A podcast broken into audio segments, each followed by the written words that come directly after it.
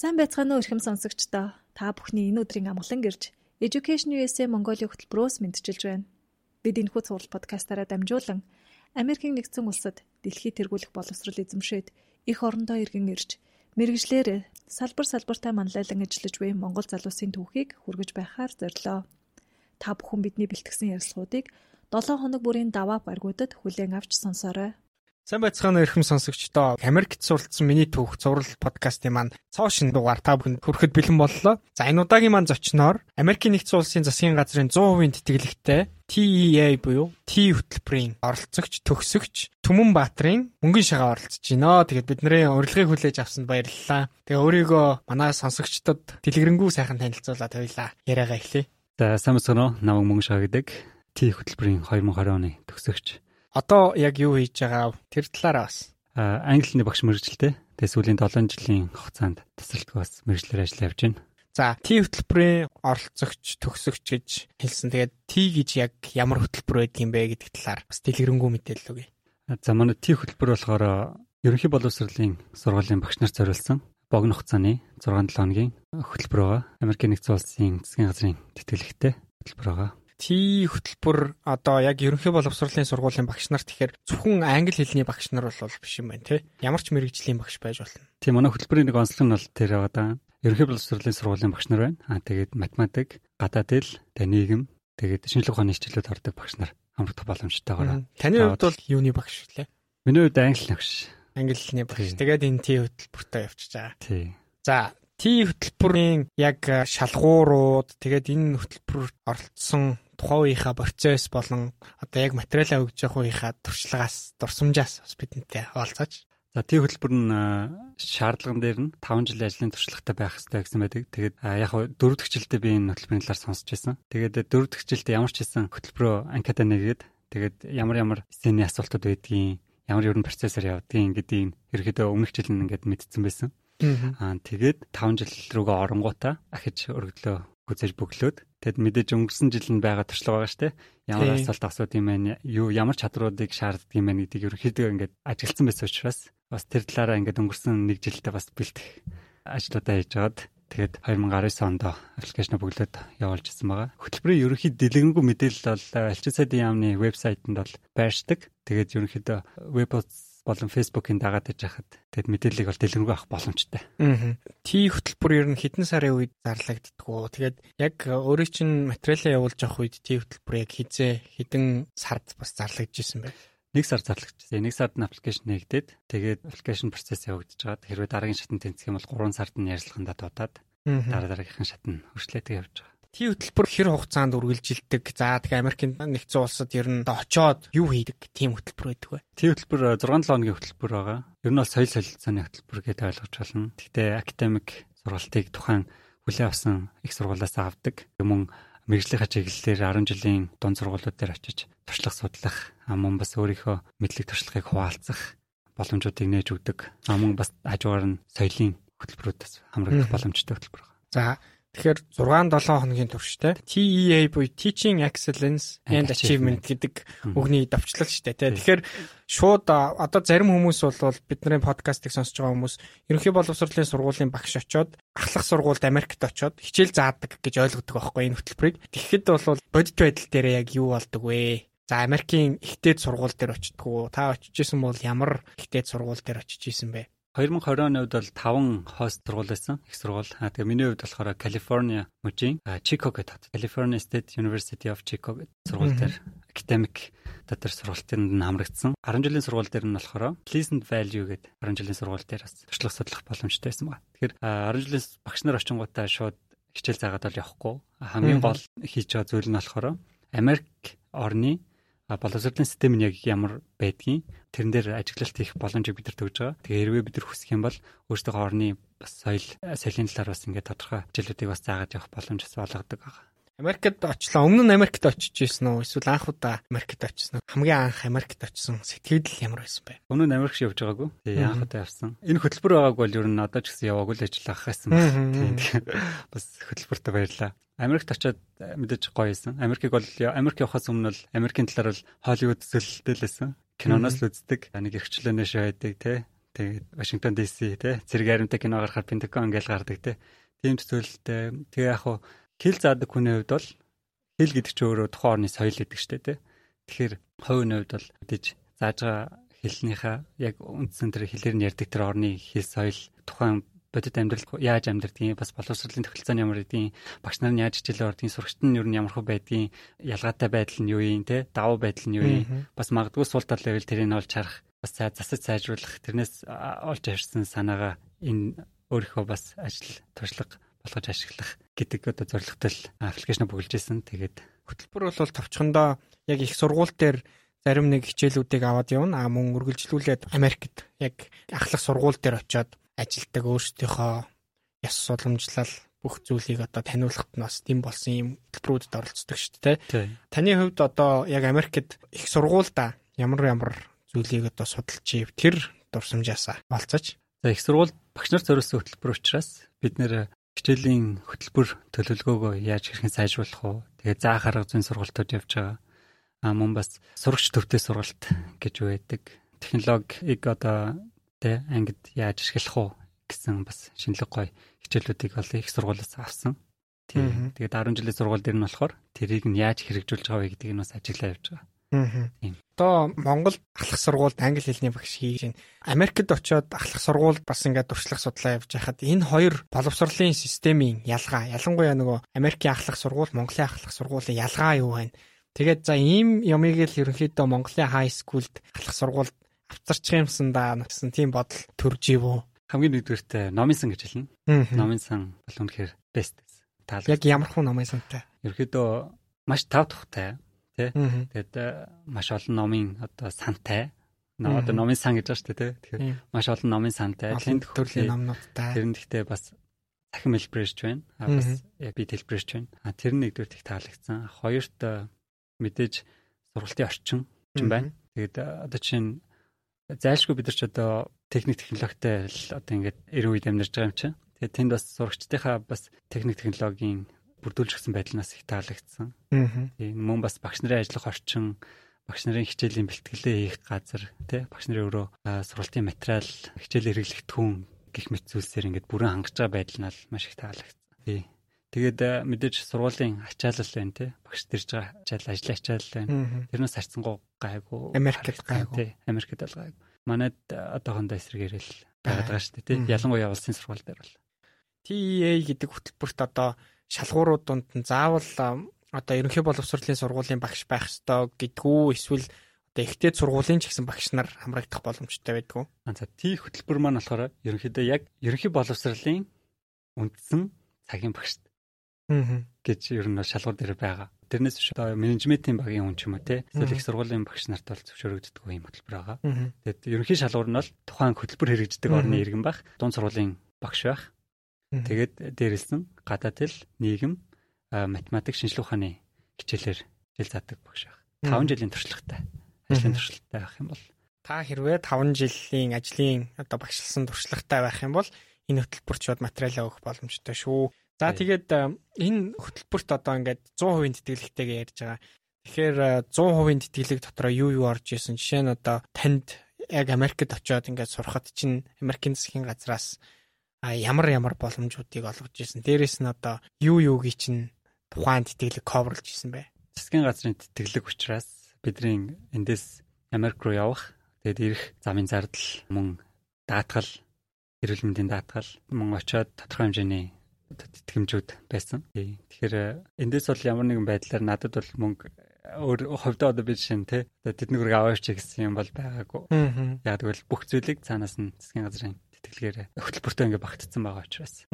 Тэр санхүүгийн тал дээр бол тэгж coverage хийсэн. За Америкт хамгийн анх удаага очиж исэн гэж ярьжсэн. Тэгэхээр тухайн үеийн Америкт яг хөл тавих үеийн мэдрэмж очоод анхны сэтгэл ерөнхийдөө ямар байсан бэ? би ирцэн үл гэж бодсон. Энэ үү? Нилээ удаан нисхийн дараа. Тий. Эхлээд Инчоноор дарж авсан. Инчон дээр транзит хийгээд цаашаа Сиатлд буусан. Тэгээд Сиатл хотоос Сакраменто гээд цэцэг захиргааны төв мөч гэдэг юм байна. Хот.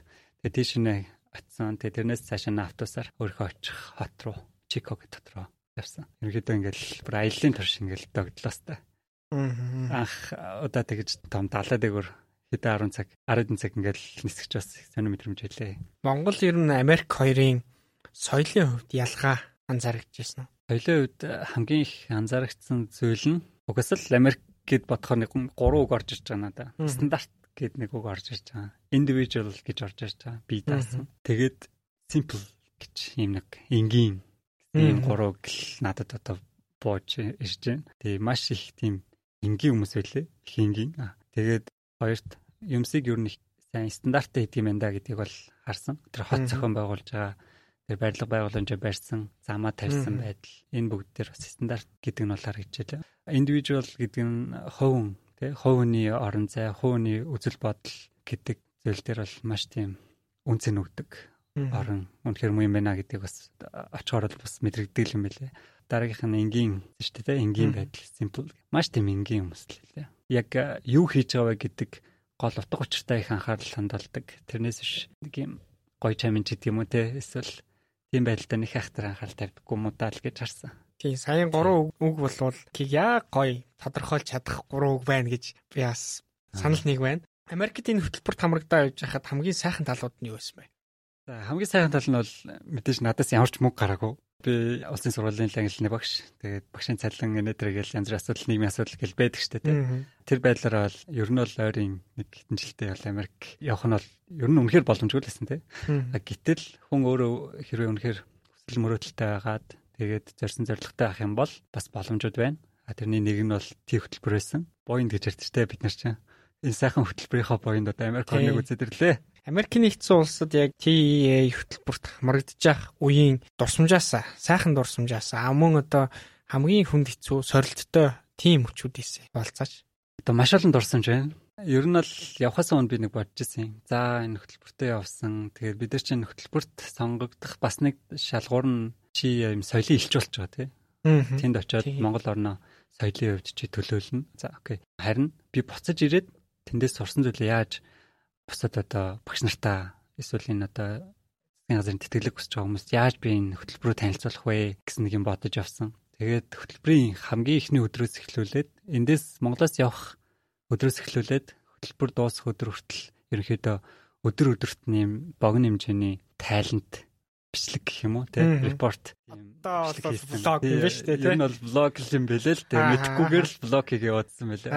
Ерөөд зорилго нь бол хөтөлбөрөөл танилцуулъя гэсэн үндсэн зорилготой байсан. Яг өдөр бүрийн үйл ажиллагаануудынх нь хөтөлбөрийн дагуу яг ингээд дараа дистралтайгаар ингээд өглөөнөөс орой хүртэл юу юу болж байгаа талаар ер нь бол ингээд бичлэг юм үзэх юм бол бүгд тэн дээр бас дэлгэрэнгүй сайхан байж байгаа. Тэрийг хийх гэж эхний доног бол маш их зүйсэн. Хэдийгээр 6 7 хоногийн хөтөлбөрч гисэн интенсив буюу маш тийм эрчимжүүлсэн хөтөлбөр байхгүй юу? Энэ хөтөлбөр тийм тэгэхээр маш завгүй. Өглөөнөөс оройны 7 хүртэл баг өглөөний 9-өөс оройны 7 хүртэл баг юм зайгүй юм битүү хөтөлбөртэй байдаг. Их сургуулийн хөтөлбөр тэгээ field experience байна те. Гэх мэтлэн мөн бас нөө солийн янз бүрийн арга хэмжээнүүд байна. Тэднэртэй оролцсон. Аа тэгээд давхар тэрнийг өдөржингөө бичээд яг бас бүгдийг бичээж явуулах болохгүй шүү дээ те. Яг пик момент юу вэ? Тэ яг гол агуулга юугаар харагдаж болох вэ гэдгийг бас бичиж аваа. Тэгээ оройн суугаал ингээд кат хийгээл эдит хийгээл оруулдаг байсан. Нэг эхний доног бол маш хэцүү байсан. Тэгээд тэнд чинь нөө нойр солигдсон байгаа шүү дээ. Тийм. Тийм тэгээд хэцүү зүйл нь бол энэ байсан. Гэтэ одоо бодоход хамгийн сайхан зүйл байгаа байхгүй. Тэнд очиод хамгийн хэцүү бэрхшээлтэйсэн зүйл нь одоо бодоход хамгийн сайхан зүйл болсон байна л гэд. Асуултанд нь хариулж. Нөгөө нэг хамаг бүхэн шоромот тарилж харин ганцхан гэрэл зураг одоо бичлэгэл үлднэ гэд нэг тийм үг өгдөг шүү дээ. Тэрнтэй адилхан. Тий, гой сайхан зүйл бас хүнд хэцүү зүйл нэлээ. Тэрнээс гадна яг бид нар чи яг нэг юм ковид үед явцсан шүү дээ, тий. Яг 2020 онд тий яг ковидын эхлэл үед Тэгэхээр яг уу бүх юмнууд нь Америкт ямархуу нөхцөл байдалтай байсан тухай үед. Азар бол бид нэр э, хөтөлбөрийн үед бол ямар нэгэн ковидын тим ямар нэгэн байдлаар нэг хаалт янз бүрийн байгаагүй. Тэр үед дөнгөж эхэлж исэн байсан учраас аа тэгээ харин хөтөлбөр төгсөхөд дуусаад яг ингээд э, улс орнууд хилээ аагаад тэ тэгээ зарим хүмүүс маань явж чадахгүй нэг 7 хоног жишээний тэр бас их сонирхолтой зүйл болж үлдсэн байт юм лээ. Тэгэл ямар ч байсан түүхэнд Америк хөтөлбөрөө дуусгаад тэгээд шууд Монгол руугаа ирж ковидын одоо Монгол улс хилээ хагаас өмнө ирж амжсан байх нь шүү дээ тий. За энэ дэр болохоор юм шиг сонирхолтой болсон. Түүхэнд наах удаа Fulbright-ийн одоо тэтгэлэг явж авах хугацаанд тий. бид нар ингээд хөтөлбөр 1 сарын 28-нд эхлээд тэгэнгүүтээ 3 сарын 12-нд дуусах юм байсан. Тэгээд бид нар яг эхлээд болохоор хост газрууд руугаа явж байгаа нэ хүлээж авч байгаа их сургуулиуд руугаа газар газар л хуваагдаад ер нь бол нийтдээ нэг 57 орны 160 тогш байсан. Манай үед миний оролцсон жил Монголоос бол 3 багш авсан. Ховдын 2 багш, тэгээд миний би. Тэгээд хөтөлбөрийн сүүлийн 7 хоног нь болохоор Вашингтон ДС дээр бүгд ингээд уулзалж юм аягаад энэ хөтөлбөрөөс ер нь юу юу сурсан гэдгээ ингээд сешн ч юм уу эсвэл ингээд воркшоп хийгээд нэг нэгнээсээ туршлага судалж байгаа. За тэгээд яг 3 сарын 12-нд хөтөлбөр хаагдаад 13-нд нисэх байсан. Тэг яг 13 тухайн хөтөлбөр хаагдчих тухайн өдөр ингээд улс орнууд нэг хэлмэлээ хаагаал тэн нэг хэрэгжүүлэгч байгууллага IRX гэдэг байгаа байхгүй. Тэд нар ч ингээл өдөржингөө мэйл хичээл нислэгийн цуцлахын цуслаад скежлийн өөрчлөгийг өөрчлөөд ингээд явж байгаа. Харин Монголоос зэтсэн 3 багш манай Монголоос хилээ хац учраас тухайн үед ирж чадахгүй. Тэгээд Вашингтон ДС-д сунж нэлээд хэсэг хугацаа өнгөрүүлсэн. За тэр хугацаанд нь яасан нөгөө хөтөлбөрийн тэтгэлэг хөтөлбөр нь дуусчаад байдаг. Тэгсэн чинь явж чаддгүй. Яг тэр үед нь одоо яг юу болж исэн бэ? Манай сонсогч ч гэсэн магадгүй ингээд иймэрхүү зүйл дахин тарахыг үүсэхгүй шүү дээ. Тэгэхээр одоо энэ үед юу болдгийм бол гээ гайхаж байгаа. Гайхаад сонсож байгаа манай багш нар байгаа. Тэгэхээр тэр багш нартай бас яг тухайн үед юу болж исэн, яаж менеж хийж исэн тэр талаас авалцаж. Шүү дээ. Одоо ингээд э, магадгүй зарим нь жоох айцтай байж магадгүй шүү дээ тий. За одоо ингээд тэтгэлэгч авчдаг. Атсан чинь улс их орон хиллээ хаагаад буцаж ирж чадгаа болчвол яана ч гэдэг юм эсвэл тэнд очиод ингээд маш хэцүү хүнд нөхцөл байдалд орчвол яана гэсэн юм айц бас байж магадгүй. Бид нар бол тийм төсөөлөг гинтийн тийм зүйл болсон. Гэхдээ аз болоход аз болоход жоох бид нар чинь одоо засгийн газрын тэтгэлгээр явж байгаа гэдэг нэг сайхан зүйл нь тэр байгаа. Бидрийг за юм үзүүлээ харуулъя, сургая гингэд аваад ирсэн.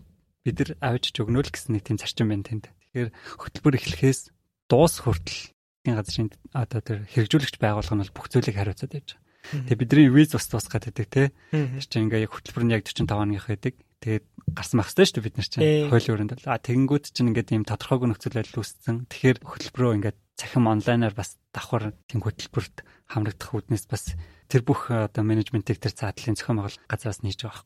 Тэгээд одоо жишээ нь виз дуусгаад байдаг тэр үед нь одоо ямар зохицуулалтуудыг хийжсэн бэ? А тэрийг болохоор бид гурыг цахимаар сургалтууд авах тийм боломжуудыг олгосон. Мөг гэдэг чигтэй. Тэгэж сунгаж байж байгаа. За тэгвэл яалтчгүй нөгөө нэг Америкийн засгийн газрын тэтгэлэг гэдэг утгаараа тэнцээд ирсэн хүмүүсийгээ болвол эрхээс нь явган явах хүртэл надаа нэгсэндээ бол халамжилдаг ийм гоё байдаг. Тэгээд хүмүүс бас сая Fulbright гэхээр гайхчихж магадгүй. Fulbright одоо энэ хид хідэн төрлийн Fulbright байдаг.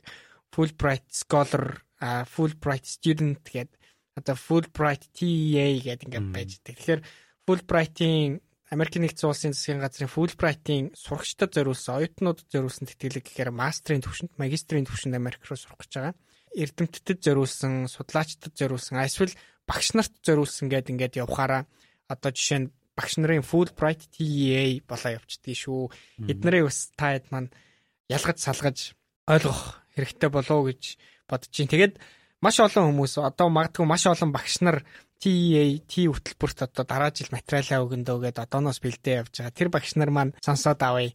Манай подкастыг гарахаас өмнө ер нь иймэрхүү тэтгэлэгт хөтөлбөрт материал явуулах гэж байгаа хүмүүс өмнө нь явж исэн хүмүүсийг хайж олоод ярилцаж туршлах судалдаг байсан. Тэгээд бидний энэ подкастын бас нэг зорилго яг хэрэгтэй мэдээлэл хайгаад энэ хүнтэй уулзчих юмсан да гэд явж байгаа хүмүүсийг подкастаараа дамжуулж уулзуулж байгаа маш олон багш нар Т хөтөлбөрт дараа жил материалаа өгнө гэд явж байгаа. Тэгэхээр тэр багш нарын хувьд яг Т хөтөлбөрт очиод өдөр нь яаж өнгөрдгийг яг юу хийдгийг ингээд их тийм эргэлзээтэй асуултуудтай бас тулгарч байгаа. Таны хувьд яг энэ хөтөлбөрийг төгсөөд ирсэн хүний хувьд яг Т хөтөлбөрт оролцож байгаад таны нэг өдөр яаж өнгөрдөг байсан бэ? Энэ асуултанд хариулахаас өмнө эхлээд таад маань YouTube руу ороод Fulbright T 2020 гэд хаагаад үзээрэй. А тэгэхээр хөтөлбөрийн нэгдүгээр өдрөөс их сургуулийн хөтөлбөр тус 28 дахь өдөр хүртэл ер нь бол бүх өдрийн үйл ажиллагааны жижигэн жижигэн тийм богинохын хэмжээний видеонууд байгаа. Тэрийг бас үзээрэй. Сонирхолтой байж магадгүй.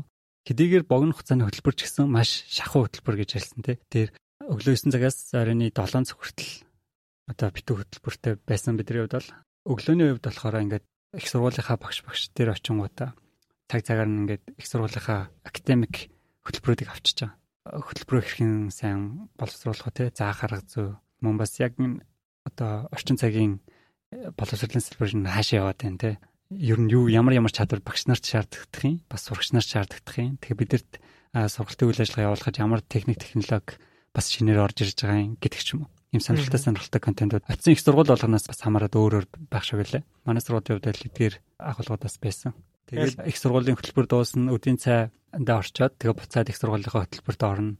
Янз янз очиодсан газраас бас өөр өөр зохион байгуулжсэн. Жишээ нь манайд болохоор эхний 4-7 хоног нь ингээд ийм их сургуулийн хөтөлбөр нь явж байгаад тэгээ сүүлчийн 1-7 хоног нь 10 жилийн сургууль дээр очиж туршлага судлах ч гэдэг юм те. Зарим очисон зохион байгуулж байгаа газар нь болохоор 7 хоногийн нэг өдөр нэг сургуулийнхаа нэг өдөр нь 10 жилийн сургууль дээр очиод дадлага хийх ч гэдэг юм те. Ажиглалтаа хийх гэсэн байдлаараа зохион байгуулж явж лээсэн мэл. Мобс энэний хажуугаар Америкийн одоо бид нар чинь Америкийн соёл судалгаал очиж байгаа шүү дээ тий. Тэгэхээр энгийн одоо Америк айл ер нь яаж амьдэрдэг ингээд host family гэж байгаа шүү дээ. Бас ингээд айлуудаар зочлох аа тэгээд тухайн очисон газар орныхоо соёлтой холбоотой үйл ажиллагаануудад оролцох, тухайн газар оронтой танилцах аяллуудыг бас их зохион байгуулах үйл ажиллагаануудад явж ирсэн. Та одоо ер нь бол Fulbright хөтөлбөрт хамрагдж байгаа багш нар очоод их сургуулийн оюутны кампуст оюутны байранд байрладгүй эсвэл хост гэр бүл ч юм уу эсвэл одоо арай өөр газар байрлаад явдггүй тэр талаар бас мэдээлэл өгөөч. Тэр тал дээр миний оцсон газар би чинь Калифорниа тэгээд Чикаго хотод очсон. Манай хөтөлбөр зохион байгуулагчид болохоор бидрийг зочд бодол байлгаж ирсэн. Дотроо ийм галтгоотой. Тэгээд хоёр ийм онцлог өрөөтэй. Тэгээд тэр нь ямар зоригтой байсан бэ гэд ингээд асуугаад үзэхээр тэнд чинь маш олон орны хүмүүс ирж одоо чинь миний оцсон газар болохоор нийт 22 өөр орны багш нар ирсэн байгаа байхгүй. Тэгэхээр чинь эн чинь өөрөө соёлын солилцооны хөтөлбөр гэдэг шүү дээ. Нэг талдаа. Тэгэнгүүт өөр хоорондоо ингээд хамт амьдраад тэгэнгүүтээ ингээд тухайн орны хоол нь ямар байдгийг, хэл соёл нь ямар байдгийг гэдэг юм ингээд хамтдаа бас байж нэг нэгнээсээ туршлах, судлах, нэг нэг өөр өөрийнхөө орны онцлог соёл, ёс уламжлалын талыг танилцах тийм бас боломжуудыг олгож ирсэн. Ингээд шийдсэн байсан. Тийм маш гоё. Таны хувьд өрөөний найз буюу roommate хаанхын хүн байв Хөтөлбөрийн хугацаанд хоёр удаа руммэт солисон. Тэрээс хөтөлбөр цаанаас нэгэ байгаа. Мэдээж эрэхтэй эрэхтэй эмхтэй эмхтэйгээд орно. Эхний руммэт маань болохоор Африкаас ирсэн байсан. Африкийн нэг багш байсан.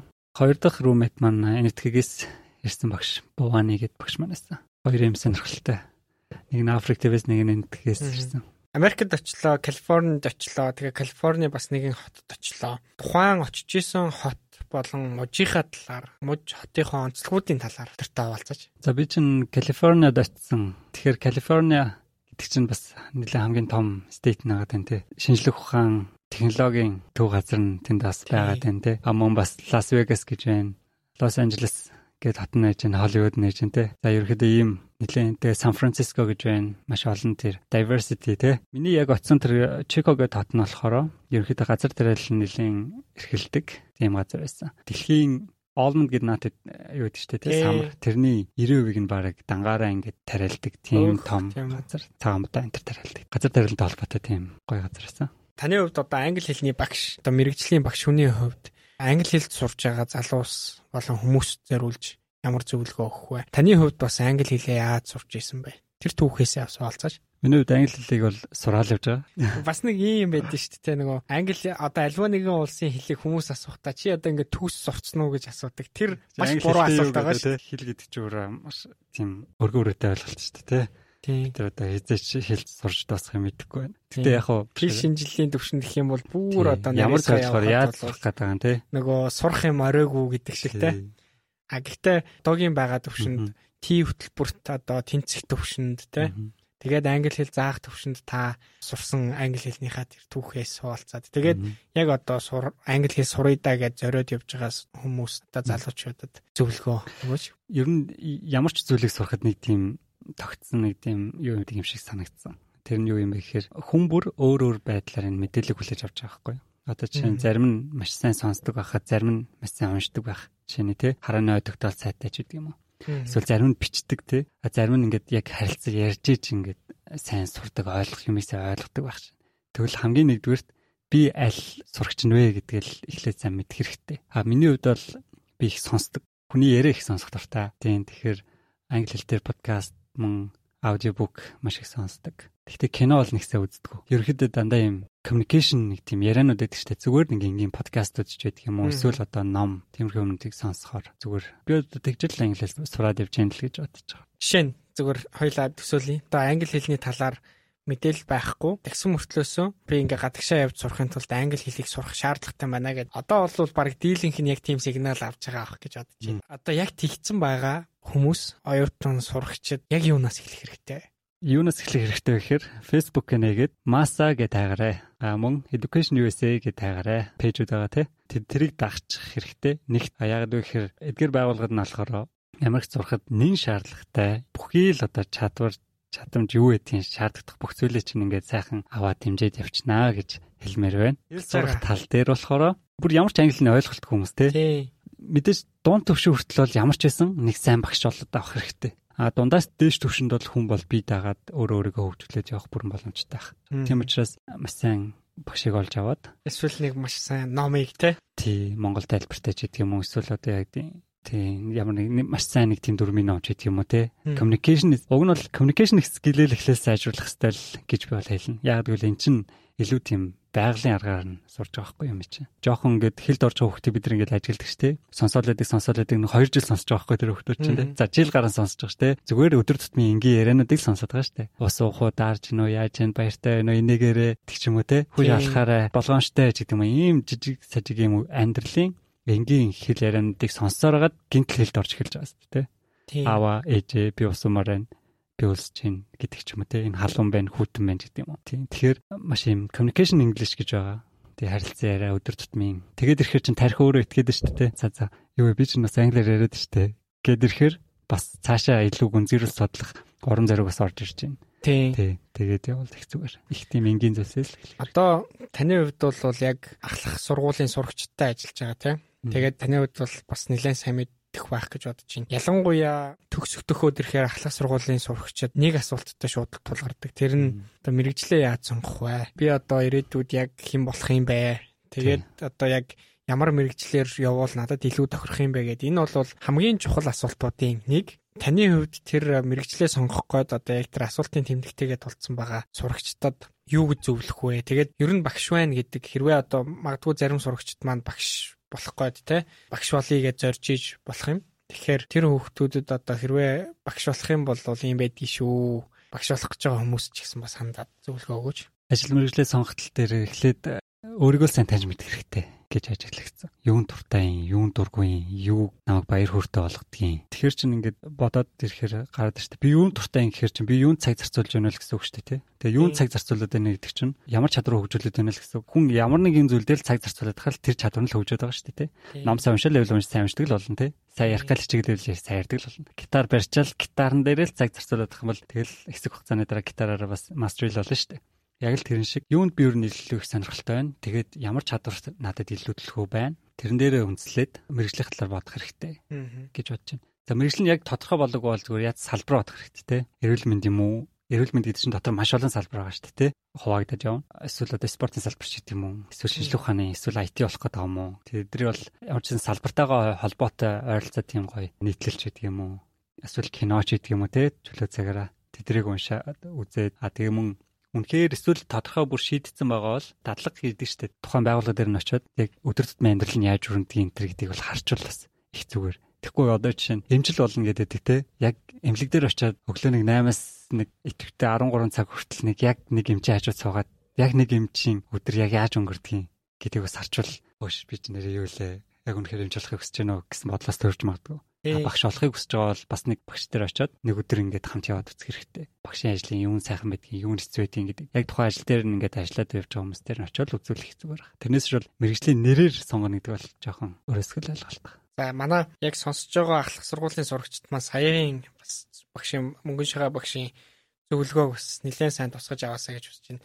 Яг ялангуяа яг хуу монголчин нөгөө ирлүү онол од толгуурлсан сургалтуудыг явуулдаг шүү дээ. Илүү одоо томьёо зээжлүүлдэг одоо онлайн яг уншуулдаг тийм чиглэлийн сургалтын системтэй. Эсвэргээрээ Америкт бол илүү практик руугаа чиглэсэн байдаг те. Тэр талаар нь таны анзаарсан зүйл байгаа юу байна? Тэгээд Америкийн өсвөр насны хүүхдүүдийн сэтгэхүй, Монголын өсвөр насны хүүхдүүдийн сэтгэхүйн онцлог одоо ялгаатай зүйлс тэнд анзаарэгдэжсэн үү? За мэдээж соёлын үед жоохон ялгаатай юм бол байж л байгаа тий. Гэхдээ нэг юм хэлэхэд өсвөр насны бол өсвөр насны л юм бэл. Америкч вэ? Монголч вэ? Ер нь ялгаагүй. Тэнд ч гэсэн бас мэрэгчлээ сонгох гал ингээл явж байгаа шүү. Зөв нэг ялгаа нь тэд нэр англиар ярьж байна. бид нар монголоор ярьж байна тий.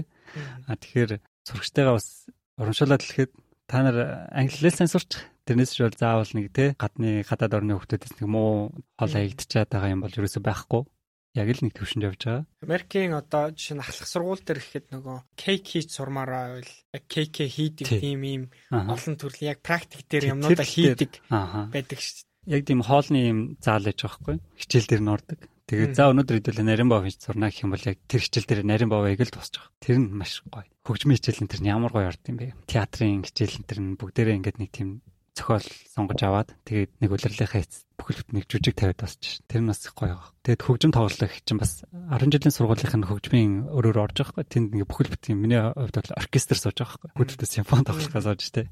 Тэнгүүд нэг таалагдсан зүйл нь юу байсан гэхээр тэр удирж байгаа гэж ингэж асууж яг нэг хэсгийг явуулчихж байгаа хөгжмөнийхөө нэг 3 секунд ч юм уу 4 секунд тэгснэ. За чи юу мэдэрсэн гэж юм. Тэгээд энэ хөгжмийг бичсэн хүн яг энэ хэсгийг бичихтэй яг юу мэдэрч исэн гэж чи бодож чинь ч гэдэг юм те. Ингээд нэг илүү нэг сурагчт нь юу мэдрээд байгаа, юу сураад байгаа те.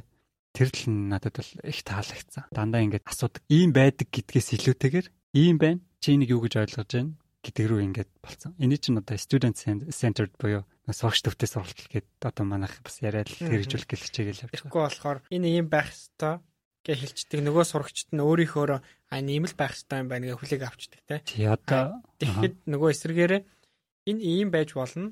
Энийг дахиад чи өөрийнхөө өнцгөөс дахиад хараа.